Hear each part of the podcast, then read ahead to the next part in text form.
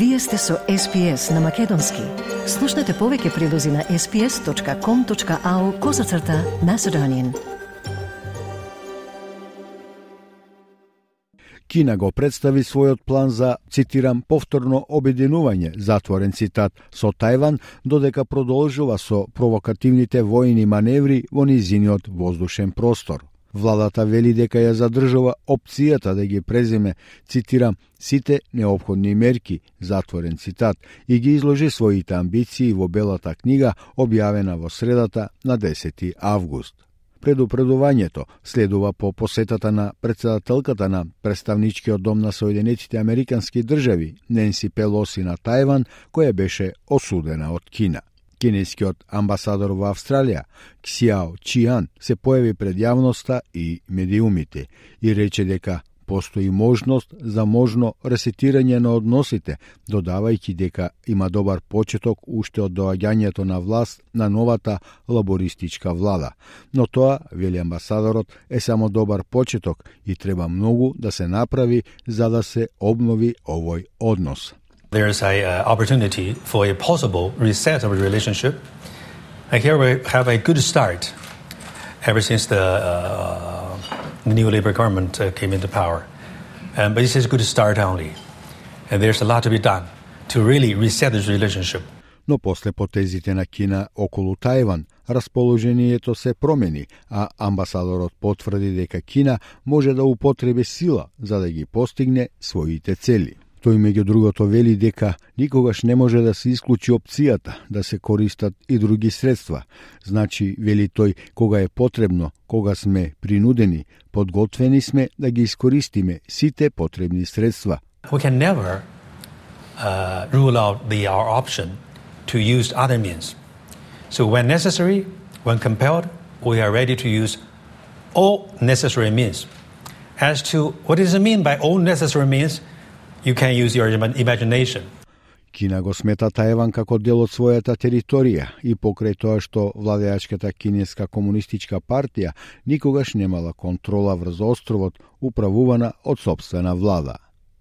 Амбасадорот ги обвини и Соединетите Американски држави за провокација и разгорување на тензиите по посетата на Ненси Пелоси, додавајќи дека Пелоси инсистираше на посета на регионот на Тајван, не почитувајќи ја силната опозиција на Кина, со што јасно му стави до знаење на светот дека американската страна е таа која прва презеде провокативна акција за промена и подкопување на статус квото. Speaker Pelosi insisted on visiting Taiwan region in disregard of China's strong opposition, making it clear to the world it was the US side who first took provocative actions to change and undermine the status quo. Австралиската влада ја задржа својата порака за деескалација на стратешките тензии. Вршителот на должноста заменик премиер Ричард Марлс вели дека воената акција во регионот би била загрижувачка. Она што треба да го видиме е деескалација на тензиите. Критично е за регионот и критично е да се вратиме на многу помирен и понормален збир на однесување во регионот и во Тајванскиот теснец, рече Марлс. what we need to be seeing is a de-escalation of tensions. Uh, it, it is it is critical for uh, the uh, the region, and it's critical that we return to a much more peaceful and normal set of behaviours in uh, in the region and across the Taiwan Strait. Опозицијскиот лидер Питер Датон исто така ги осуди активностите на Кина и ја бранеше посетата на председателката на представничкиот дом на Соединетите Американски држави Пелоси. Тој вели дека тие се важен трговски партнер, но ние нема да го толерираме во видот на силеджиско однесување и претераните реакции што ги гледаме по посетата на Пелоси на Тајван во последната недела.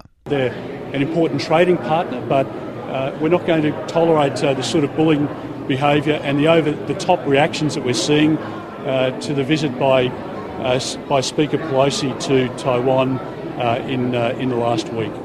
Кинескиот амбасадор, призневајќи ја 50 годишнината од почетокот на односите меѓу двата народа, беше прашан и за австралиската новинарка Ченг Леј. Новинарката е обвинета за оддавање државни тајни и е приведена и е пред тајно судење.